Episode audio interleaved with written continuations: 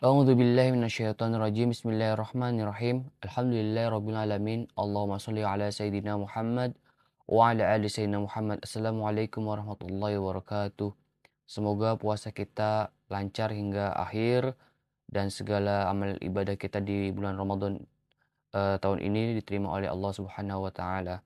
Pada kesempatan kali ini saya akan membahas kitab dari Ibn Arabi tapi saya mengutip dari uh, salah satu kitab uh, ulama di Mesir yang bernama Dr. Karam Amin Abu Karam yang berjudul Hakikat Ibadah menurut Ibnu Arabi yang dalam bahasa Arabnya adalah Ahiko al-Ibadah Inda Muhyiddin Ibnu Arabi yang dicetak di Kairo tahun 1997 dan merupakan uh, lulusan beliau Fakultas uh, Adab jurusan filsafat di Universitas Alexandria di Mesir. Nah, uh, untuk diketahui Ibnu Arabi adalah salah satu uh, sufi yang bernuansa tasawuf falsafi yang berada di Andalusia atau Spanyol sekarang ya. Beliau merupakan, merupakan salah satu sufi yang terkemuka dengan banyak karyanya uh, dengan gelar Syekhul Akbar gitu.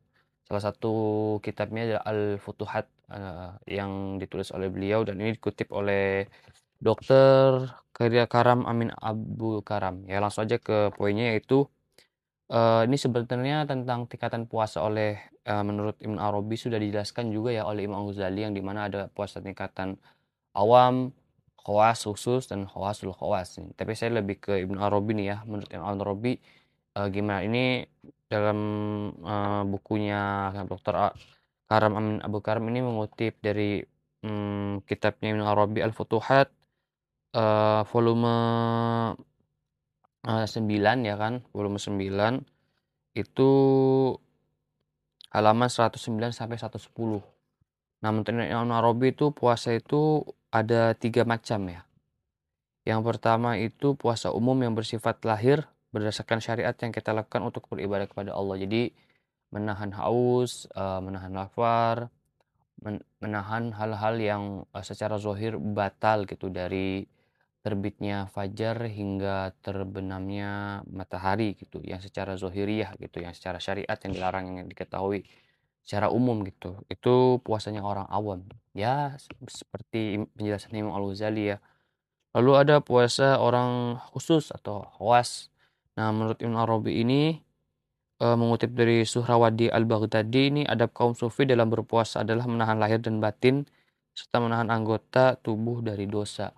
Jadi menurut Ibn Arabi ini puasanya ini termasuk udah puasanya orang-orang sufi ya, orang-orang soleh yang taat kepada Allah gitu dan mengikuti jejak Nabi Muhammad di mana puasanya bukan hanya puasa zohir menahan lapar dan haus dan hal-hal yang membatalkan secara zohir tapi juga puasa menahan anggota tubuh maksudnya dari uh, telinga, panca indera, terus juga dari uh, tangan, kaki dan semuanya gitu anggota tubuh untuk tidak melakukan maksiat uh, kepada Allah gitu. Jadi puasanya juga bukan hanya perut dan apa namanya uh, lapar gitu. Uh, tapi juga terkait tentang um, menjaga anggota tubuh gitu untuk tidak bermaksiat kepada Allah.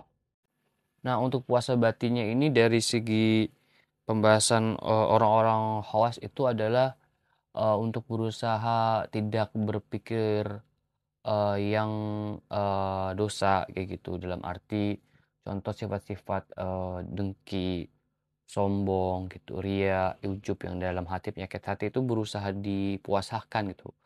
Yaitu caranya sih ya mujahadah ya, maksudnya mujahadah tuh uh, berjuang gitu dengan ya puasa itu. Jadi puasanya tuh bisa menghasilkan juga puasa batinnya tuh dengan berpikir positif, terus berakhlak baik kayak gitu dengan dalam bentuk zohirnya gitu. Dan uh, dalam hatinya juga uh, tidak menaruh hal-hal negatif yang uh, dilarang oleh Allah. Ya emang cukup sulit ini makanya puasanya orang khawas. Jadi batinnya pun ikut berpuasa juga hatinya kolbunya itu ya Nah, ini selanjutnya adalah puasanya orang khawasul khawas.